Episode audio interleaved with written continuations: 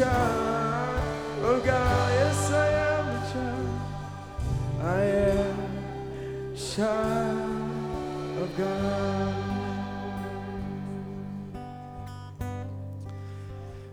Tack himmelske Fader för att vi får vara dina barn av nåd och idel nåd.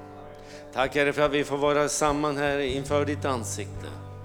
Tack till helige Ande för att du ska tala, att du ska låta ditt ord gå ut. Jag ber om nåden Fader att tala ditt ord Herre. Att jag och Anita får tala ditt ord Herre. Till tröst, till uppmuntran, till vägledning Herre. Helige Ande, led oss du Herre. Beskydda och bevara oss i din nåd och i din sanning Herre.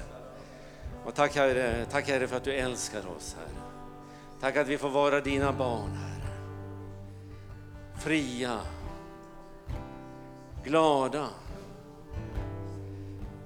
Tack Herre att du älskar oss. Amen. Amen. Ja, det är en underbar sång den här. Att vi är inte längre slavar. Det är därför att vi har vänt om. Varsågod och sitt ner. Och tack så hjärtligt lovsångsteamet här. Det är, under, det är underbart att sjunga tillsammans med och lovprisa. Vi ger dem en applåd, ja. Absolut.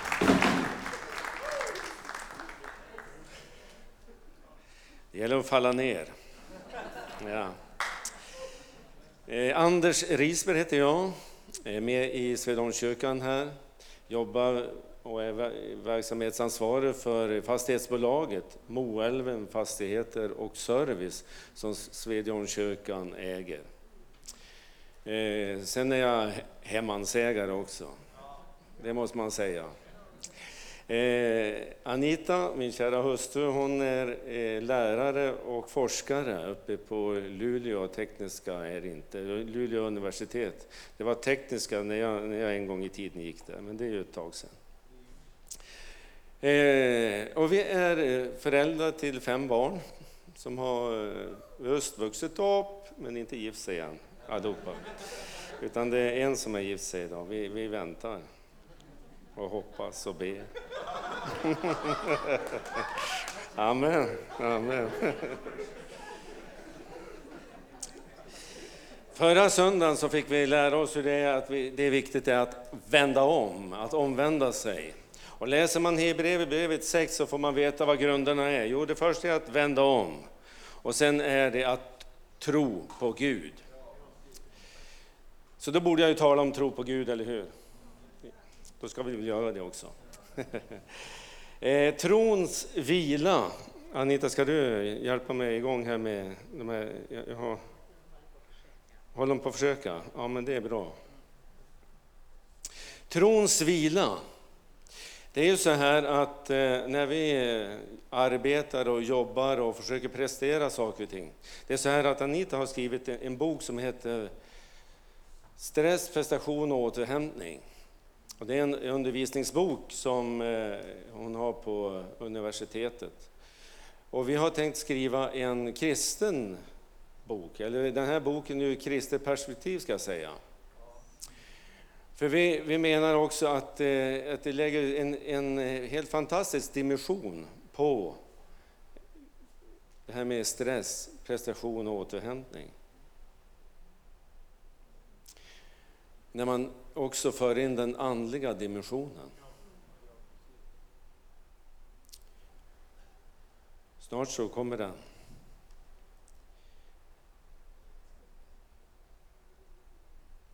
I vart fall är det, är, det i alla fall så då att eh, då ska vi skriva några kapitel. Och eh, det jag har tänkt, det handlar om trons vila.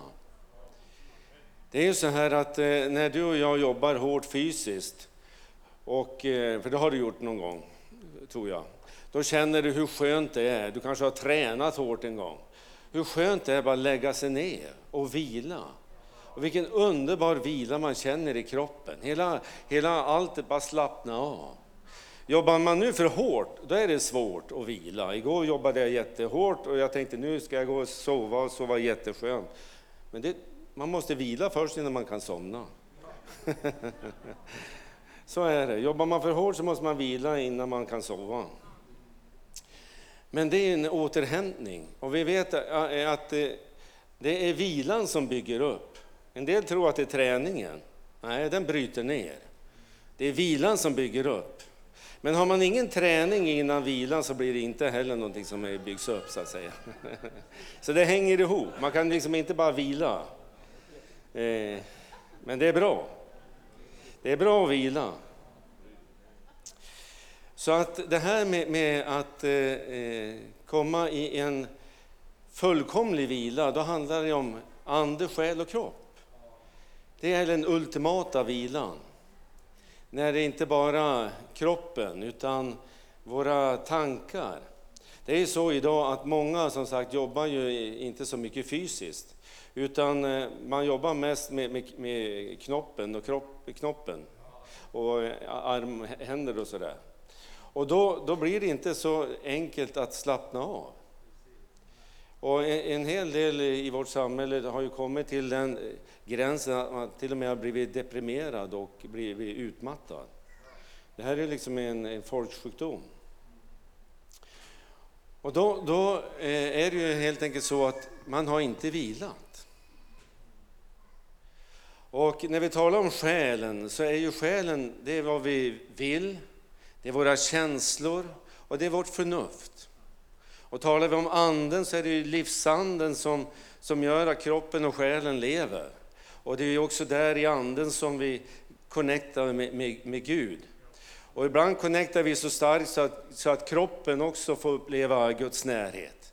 Och liksom vi blir fyllda, vi skakar och, och en del blir alldeles paralyserade. Men det är också med kroppen som vi visar trons gärningar. Det är att vi talar ut och vi går och vi gör saker och ting i tro. Så att, att vi får uppleva att, att eh, det vi har sagt blir en sanning också för andra människor. För Jakob han säger ju vad hjälper det om du säger att du har tro, men om inte dina gärningar talar om det, ja då är det ju inte till ingen gang. Så därför hänger det ihop.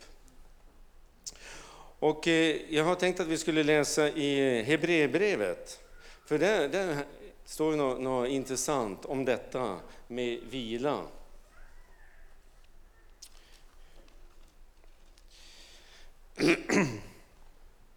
Och det är kapitel 4 och jag tänkte faktiskt läsa i stort sett det hela. Det är inte så jättelångt, så ni behöver inte vara rädd. Eh, en rubrik där är En sabbatsvila för Guds folk.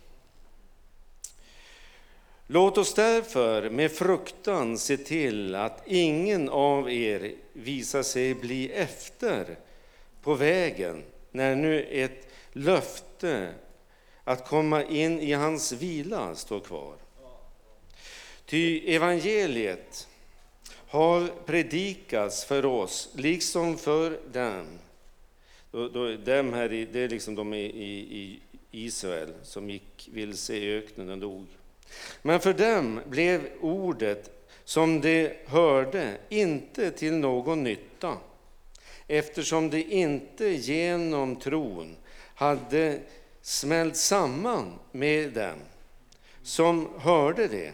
Alltså det här ordet blev inte ett med dem. Det är vi som tror som går in i vilan.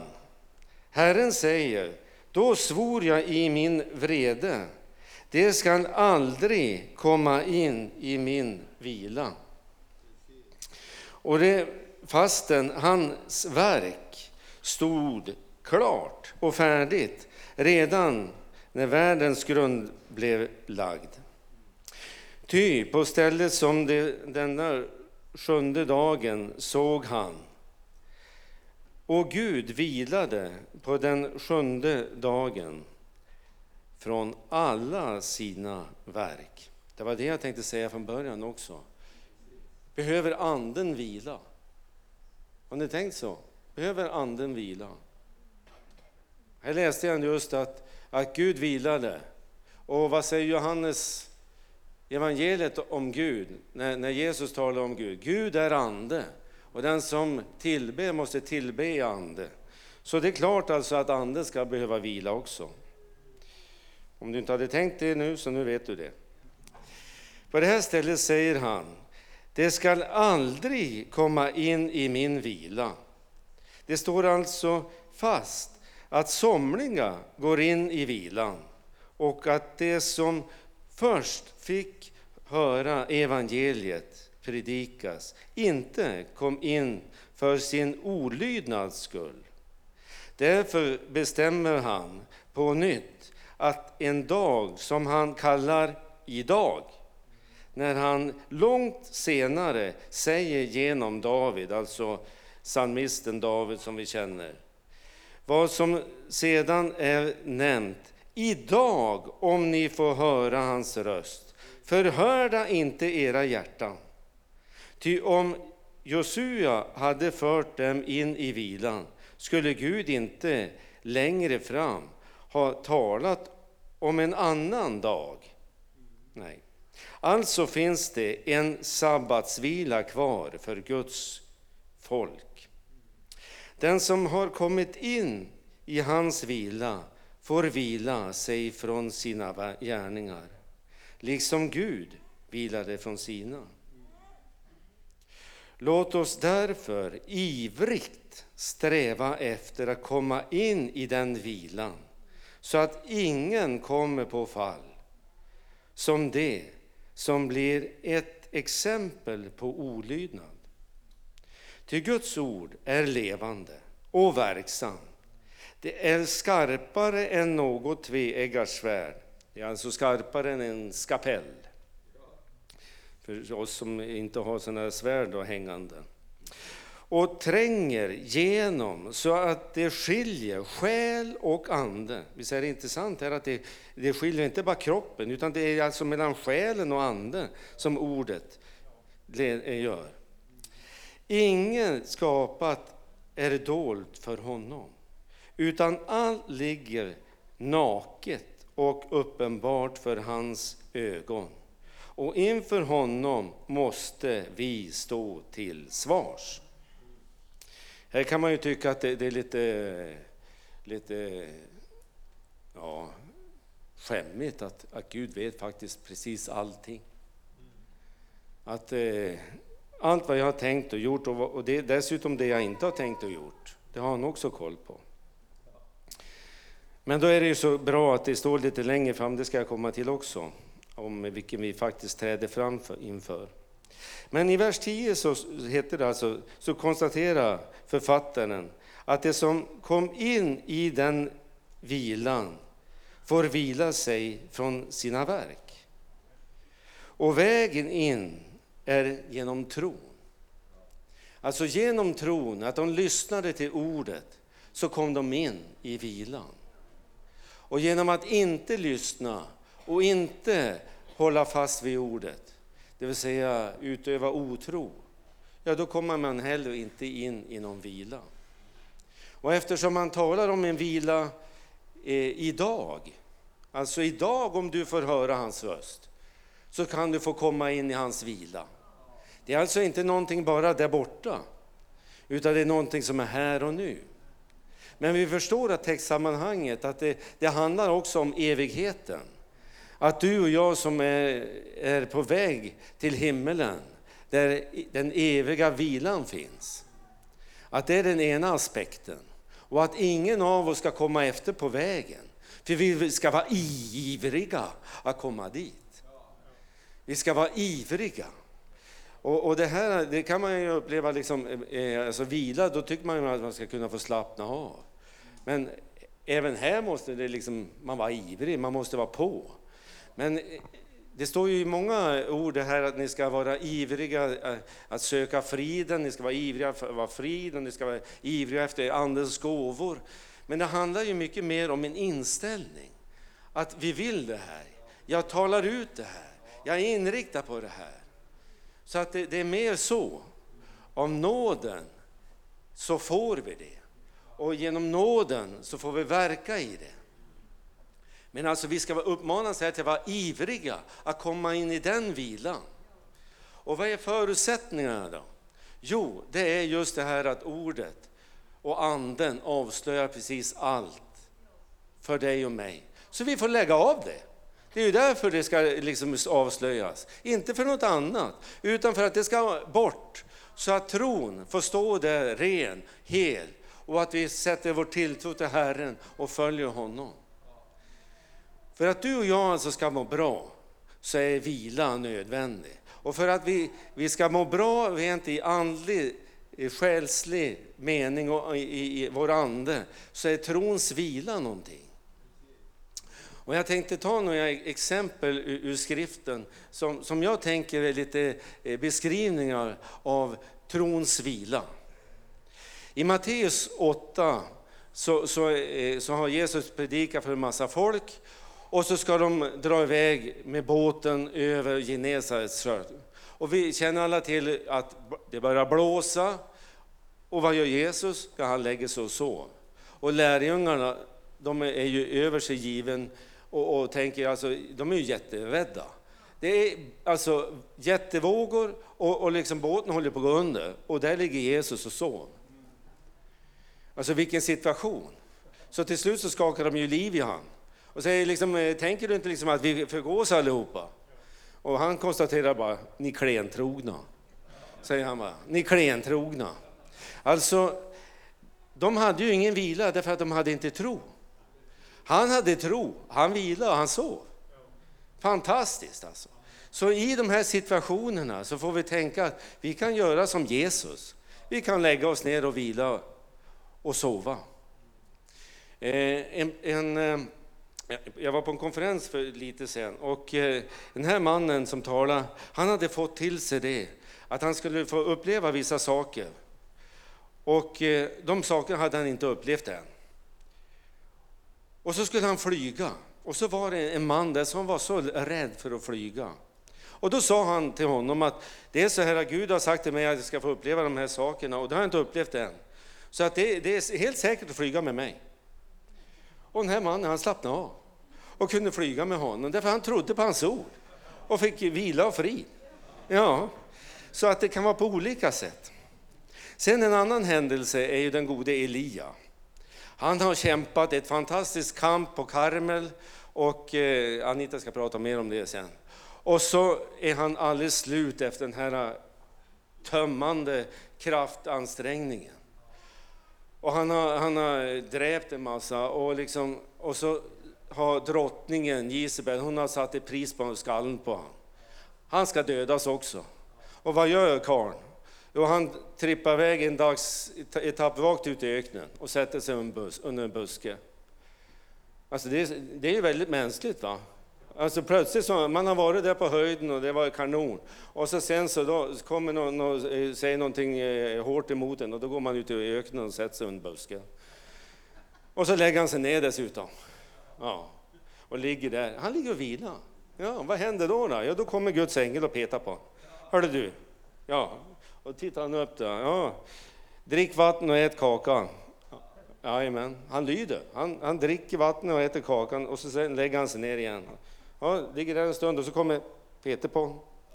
Han kliver upp och tittar upp. Ja, då är ingen, du måste dricka och äta mer för annars blir resan för lång. Ja, han äter och dricker. Det här är en energidryck. Fantastisk energidryck. För han, han går 40 dagar och 40 nätter sen. Pang iväg bara till ett berg. Och vad händer där på berget då? Där visar Gud sig för honom. Fantastiska upplevelser får han göra. Men han låg där och vilade och får uppleva det här. Att våga lägga sig ner, för att då kommer Gud och möta dig och mig. Det var så här att eh,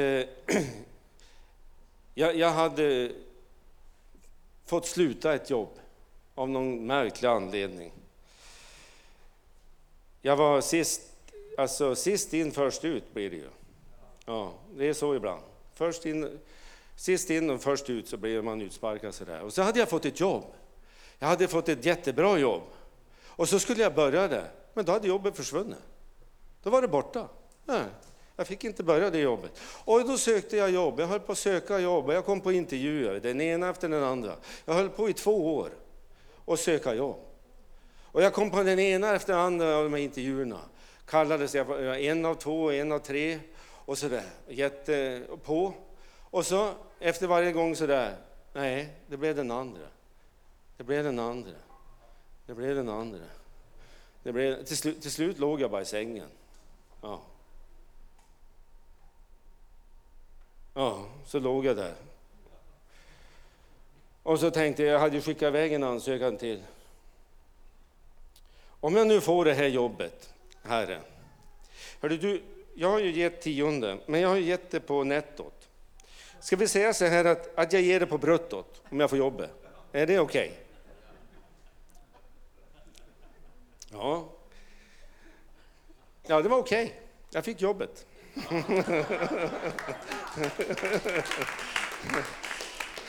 Men jag låg ju där i sängen alldeles utslagen och så pratade jag med Gud. Och så kände jag bara att det här, jag kan göra en överenskommelse med Gud. Och så trodde jag på det här. Och så fick jag det. Jag tycker det var helt fantastiskt. Sen var det bara en fråga om hela familjen skulle följa med, för det var ju inte här då. Utan det var ju på ett annat ställe, men hela familjen följde med faktiskt. Och det var till Ånge. Sen var det ju också så här, Paulus, han var ute på en eh, resa. Och eh, han, han till och med varnade dem han var tillsammans med att jag ser ju tydligt att den här resan, alltså det, blir, det är inte bra. Ja, men de andra tyckte det är jättebra väder, solen skiner och det är bra vind, så vi, vi, vi sticker tycker de. Ja, ja, ja. Och så hade de inte mer än kommit ut och då kom stormen, full storm. Och de drev, jag vet inte hur länge, men det var 14 dagar i alla fall som de drev. Och de kastade ena grejerna över bord och, och alldeles uppgivna. Men då steg han Paulus fram och säger alltså, i, alltså det är dags att ni käkar lite nu. För det kommer gå bra med er allihopa. Det var två, över 200 pers på den där båten. Det var 238 om jag minns rätt. Och så säger han bara sådär, rakt ut till dem. Ni ska äta och stärka er. För att eh, allihopa kommer att överleva. Och så var det några besättningsmän, de, de tänkte hitta på något eget, så de satte i livbåtarna och sådär. Och då sa Paulus till officeren, som, han var ju fängslad alltså, han skulle ju till Rom och, och, och få, få tala inför kejsaren. Han hade ju predikat. De där, de där båtarna, de, får inte, de, de där sjömännen får inte hoppa i båtarna för då, då, då, då blir det inte som Herren har sagt. Officeren han hugger de här livbåtarna så de bara far iväg. Jaha, hur tar vi oss i land nu då? Men de kom i land och allihopa överlevde. Och, och, Paulus hade fått ge dem ett ord som de litade på och kunde liksom förtrösta på. Och den här officeren, jag menar, tänk livbåten där som man ska ta sig i land, den hugga han och den var han fara. Därför att Paulus med sån auktoritet, vad talar ut vad Gud har sagt. Den Gud som jag tror på, han har sagt det här, det kommer en ängel till mig och berättar det här. Tänk att det är möjligt för dig också. Guds änglar kommer till dig och berättar för dig. Och du kan tala ut. Trons vila, det vi får i förtröstan. Det är så här att när vi vilar, då verkar Guds ande. När jag vilar verkar Jesus i mig. När jag vilar från mina verk. När jag vilar, vilar, vilar i Gud verkar Guds ande genom mig. Nu får Anita fortsätta med kraften. Jag kommer tillbaka.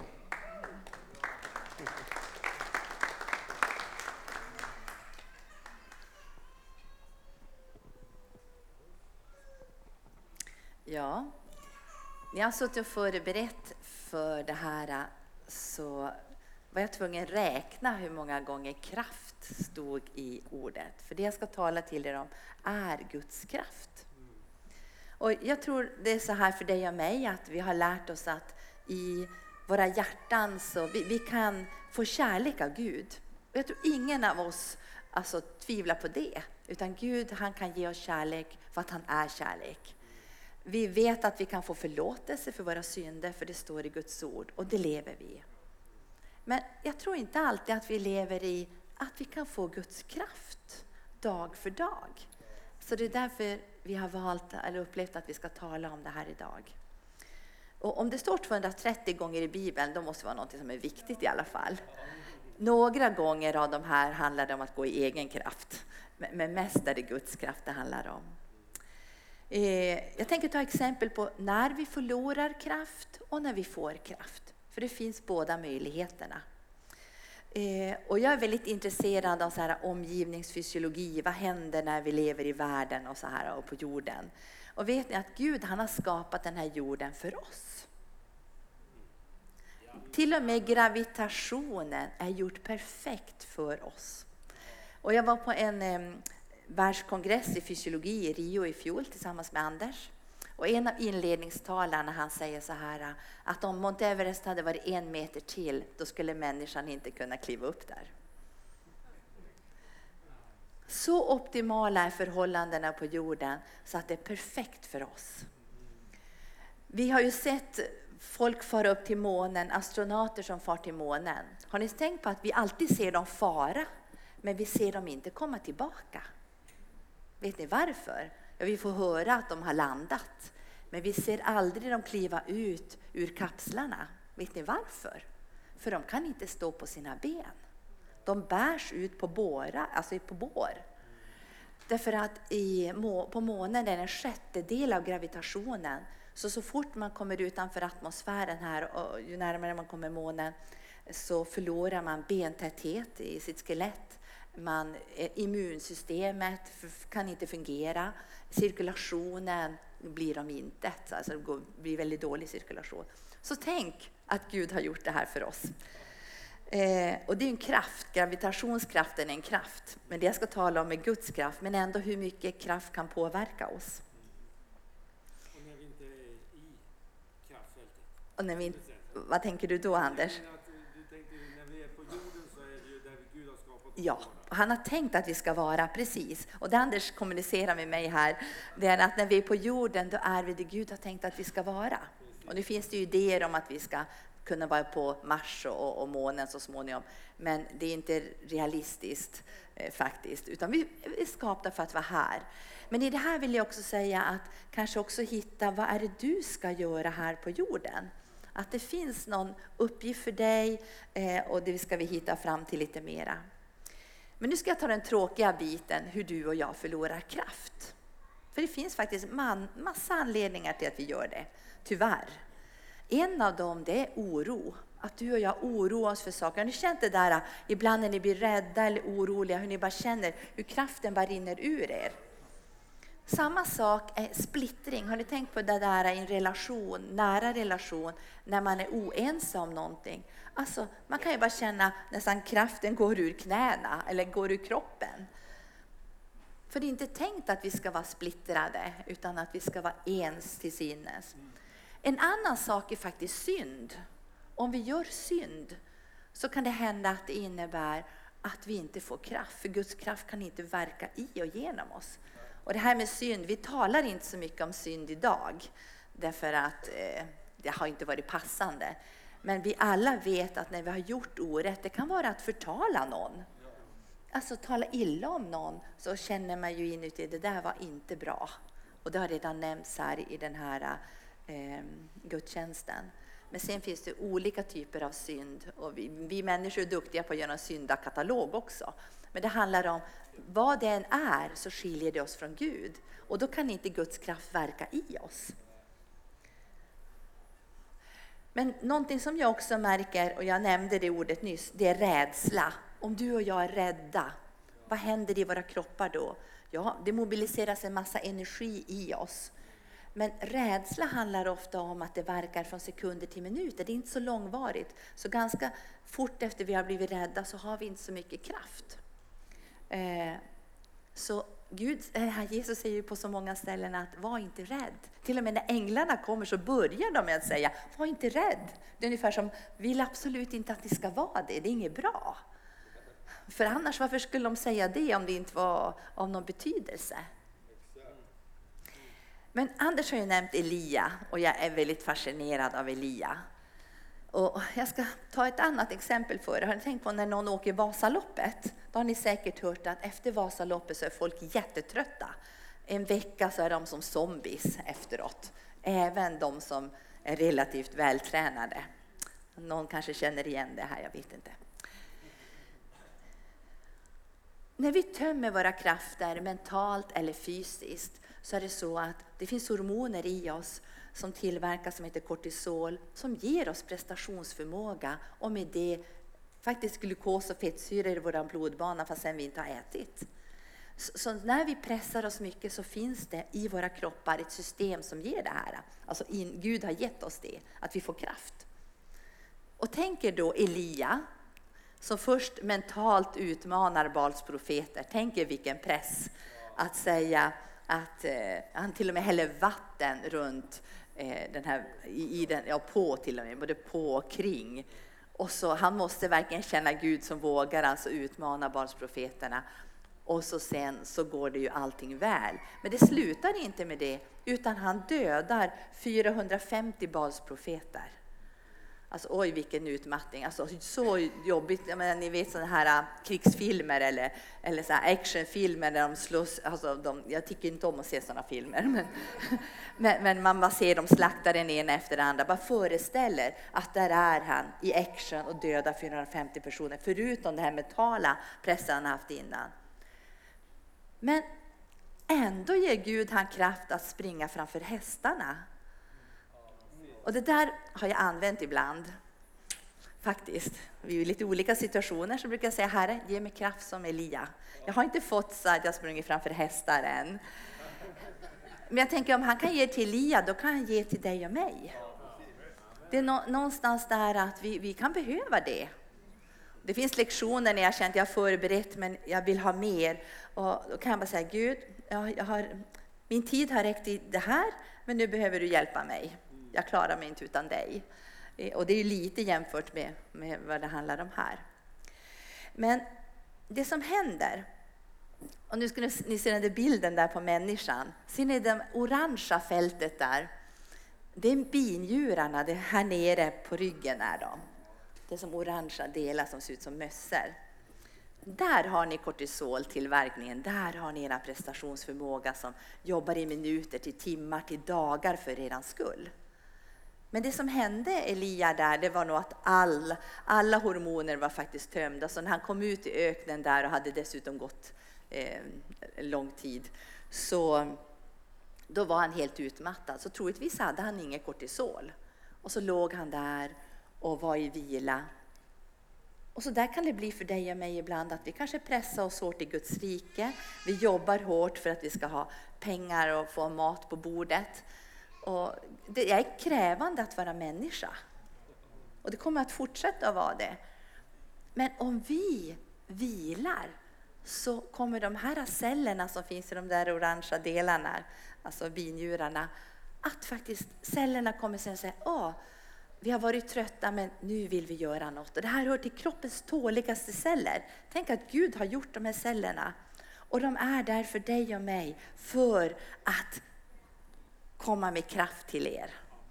Och inte bara i sekunder som adrenalin och noradrenalin som är i mitten där, utan för att ni ska ha prestationsförmåga. Och jag tycker det är så häftigt att Gud har gett det, för han vill att du och jag ska prestera. Och jag skulle vilja säga till dig och mig att om du och jag tar ledigt en gång i veckan, som Gud har ordnat det, då kommer de här att finnas för oss hela vårt liv. Men det du och jag, och inte minst jag själv har gjort under lång tid, det är att ibland så tar man inte den där vilan som Gud säger att vi ska göra. Och då blir det så att då kan de här bli utarmade.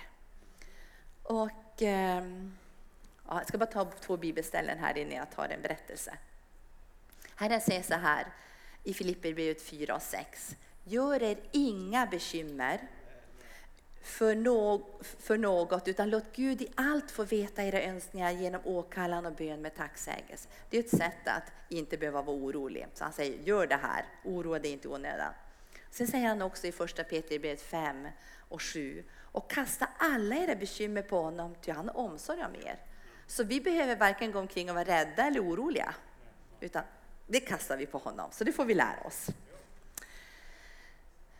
Men jag tror att vi ibland går omkring och så kanske vi inte alltid vet vad är min uppgift. så kanske vi ödslar lite extra kraft på sånt som vi inte behöver. Så jag skulle vilja uppmana var och en här idag att först ta reda på på egen hand tillsammans med Gud, vad är det du har lagt på mitt hjärta, Herre? Och så sen kan du prata med någon annan i kyrkan eller i familjen och prata lite om vilka begåvningar tycker du att jag har? Eh, stämmer det här är vad jag tänker? Kanske du säger till någon och så kan de bekräfta det. Så jag vill uppmana dig att i sommar söka vad Gud har lagt ner i ditt liv. För när du gör det Gud har lagt ner i ditt liv, då får du kraft. Och så blir det roligt.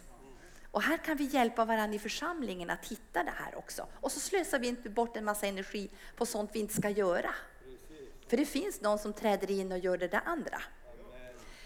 Och jag ska ta ett exempel från mitt eget liv. Jag väntade vårt första barn, det var i mitten av graviditeten. Vi, hade haft, vi jobbade ganska mycket med utslagna i Luleå då, Anders jobbade som evangelist. Och många utslagna kom till tro på Jesus. Så en dag har jag nio, är ensam hemma, Anders är på annat. Och jag har ljusstöpning med de här nio personerna hemma i vårt smala lilla kök. Och det, allt är frid och fröjd och det är en fantastisk stund. Men när de går hem sen så känner jag mig bara så trött.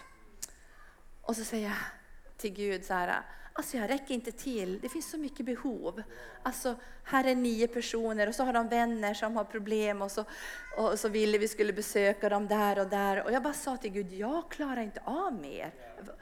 Men då var det ju också att jag gick ganska mycket i egen kraft. Jag pratade ju med honom om allt, men ändå gjorde mycket själv. Och då säger han så här till mig, och det var en stund som jag aldrig kommer att glömma. Anita, de jag lägger på ditt hjärta, de ska du ta dig an. Och det här har varit en sån vägledning för mig, för ni vet ju, alltså behoven är oändliga runt omkring oss. Men vad ska du göra? Och att du hittar det. Och i det kan du också ha din passion. Sen är jag väldigt glad för den här tiden, för jag lärde mig väldigt mycket då.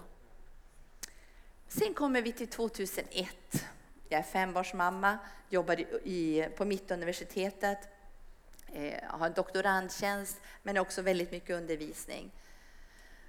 Och en dag när jag är på jobbet så eh, kan jag inte lyfta upp mina armar. Och eh, åker in akut till, till eh, distriktsläkarmottagningen och läkaren frågar om jag ska arbeta ihjäl mig. Eh, för hon sa du måste ta ledigt. Och eh, det kunde jag inte förstå för jag var som odödlig. Så här. Det kanske ni också är, i alla fall tror vi det. Men det tog på min stolthet och jag kände mig ganska dålig. Varför skulle jag bli utmattad och bli sjukskriven? Eh, men jag fick några månader med heltidssjukskrivning och jag är så tacksam för de månaderna. Jag har en jätteduktig läkare här i Själevad som bara tog det på allvar och lyssnade. Det är ju inte alltid så det är idag. Och det blev en ganska kort sjukskrivning faktiskt. Jag fick ändrade arbetsförhållanden. Jag skrev brev till rektor på Mittuniversitetet. Det här, ja, och han tog emot mig. Och sen sa han, vi ändrar dina arbetsförhållanden, du får vara i Övik. Du behöver inte åka till Sundsvall. Så det, det lönar sig att vara frimodig. Men det som var viktigast för mig då, det var att Jesus började tala till mig. Och så sa han så här, du går för mycket i egen kraft. Du har inte bett mig om kraft en enda gång. Och så fick jag det här ordet som ofta Thomas brukar citera. Eh, att eh, Herren far över jorden och så ser han de som ger, alltså ger sig hän till honom och de vill han ge kraft. Och det här har burit mig sedan dess. Så jag vill bara uppmana dig också, när du känner att ja, men, jag behöver kraft nu Gud, så kommer han att vara där och ge det till dig. Och det kan vara bara att du ska orka gå ut och plocka lingon när det är tid för det. Det kan vara att du ska orka sätta morötterna i land. Alltså, eh, det, handlar, det måste inte vara stora saker för att vi ska be honom om kraft, utan han är där och så vill han ge det. Jag hittade den här bilden på Elia där han springer. Tänk om vi skulle ha mer av det här. Hur får vi kraft? Ja, att fråga han. För precis som han kan ge oss kärlek så kan han ge oss kraft. Och tänk vilken Guds armé vi skulle bli om vi vet vad vi ska göra och så fyller Gud på kraft i det.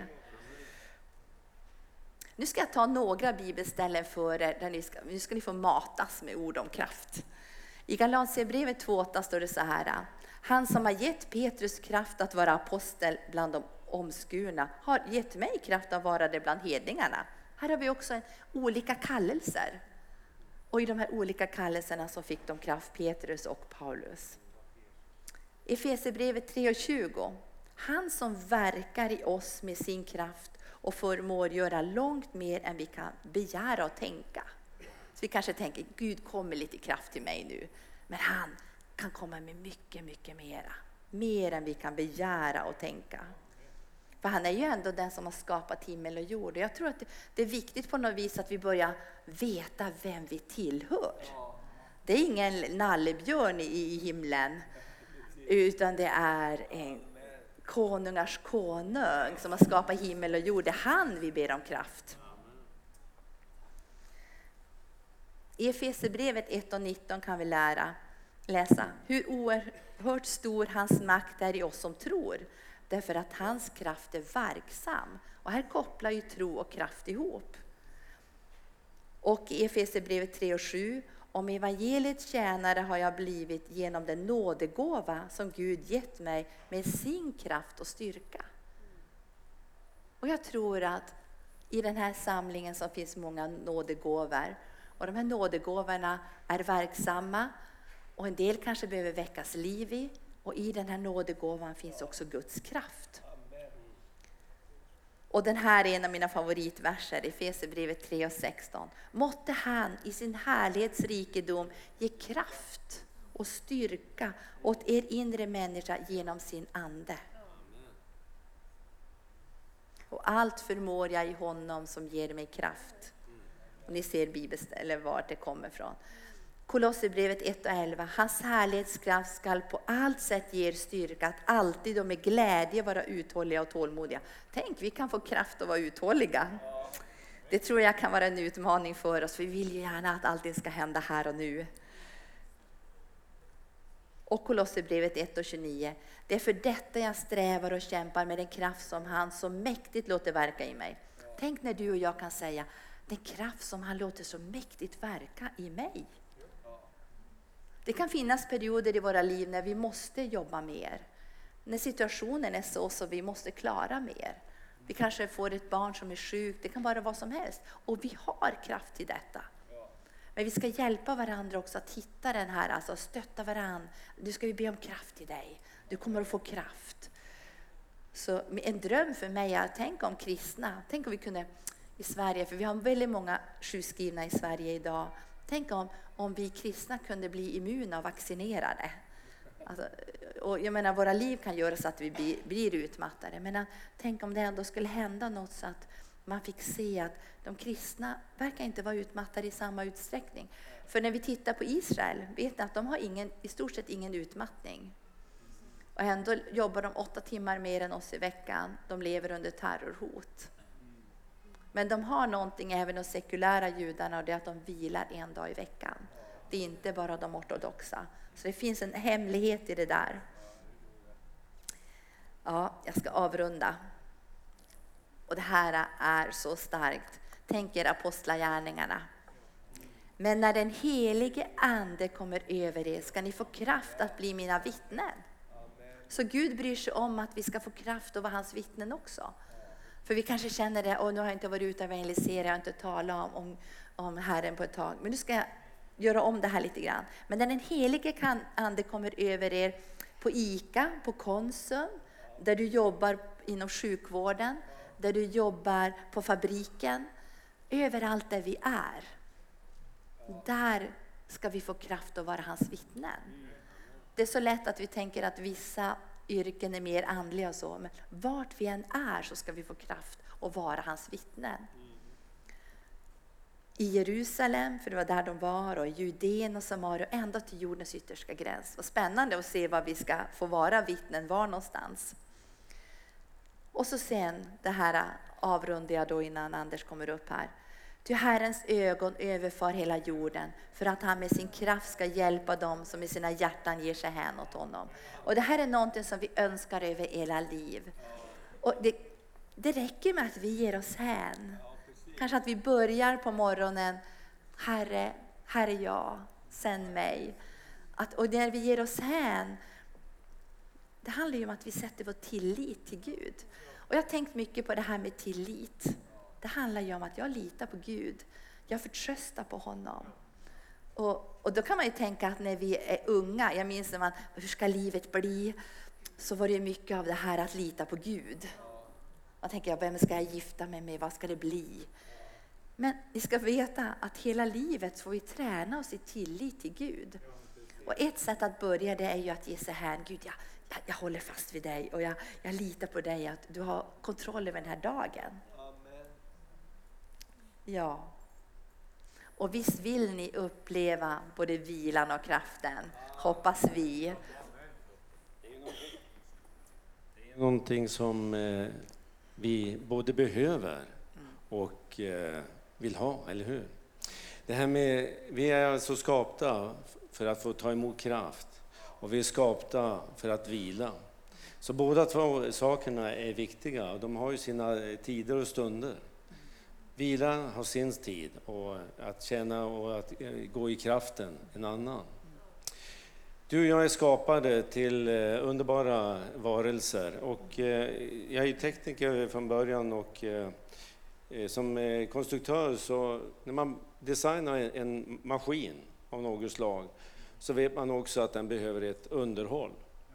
Och är man i underhållsbranschen så talar man om FU, det förebyggande underhållet, man talar om avhjälpande och man talar ibland om akutunderhåll. Akut, då har man eh, maskinen brakat samman helt enkelt. Därför att man har inte gjort underhållet. Vissa maskiner gör man ju idag tills de bara de, de, de får förbrukas så. Men det är inte så med dig och mig. Vi ska inte paja ihop bara. Utan vi behöver det här FU, förebyggande underhållet. Och I det förebyggande underhållet är alltså varje dag, i, i, beroende på maskin kan det vara i timmar till och med, men alltså dag, vecka, månad, år och så upprepas det.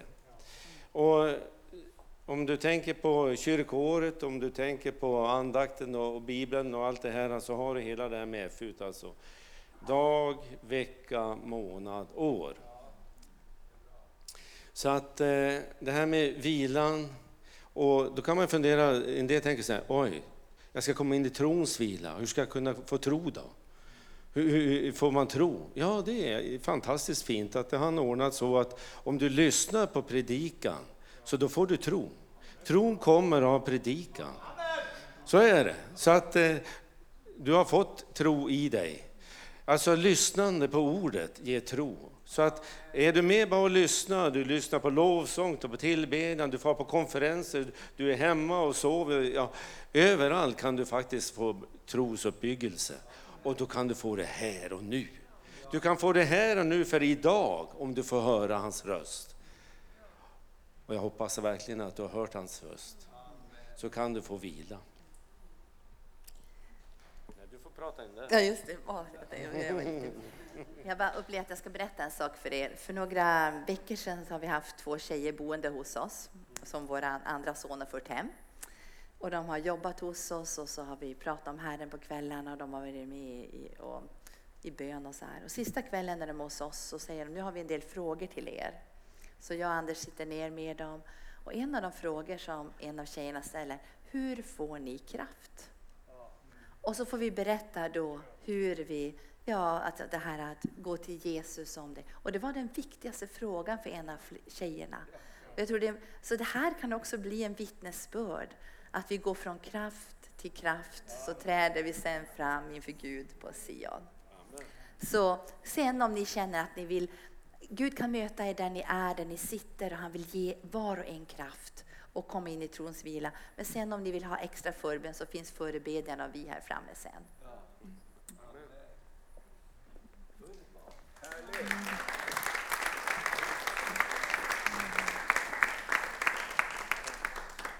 Tack så jättemycket. Det här var så, så bra. Ja, det går bra. Härligt! Känner ni att eh, det här var till dig? Var det någon som hade utrymme för det här i sitt liv?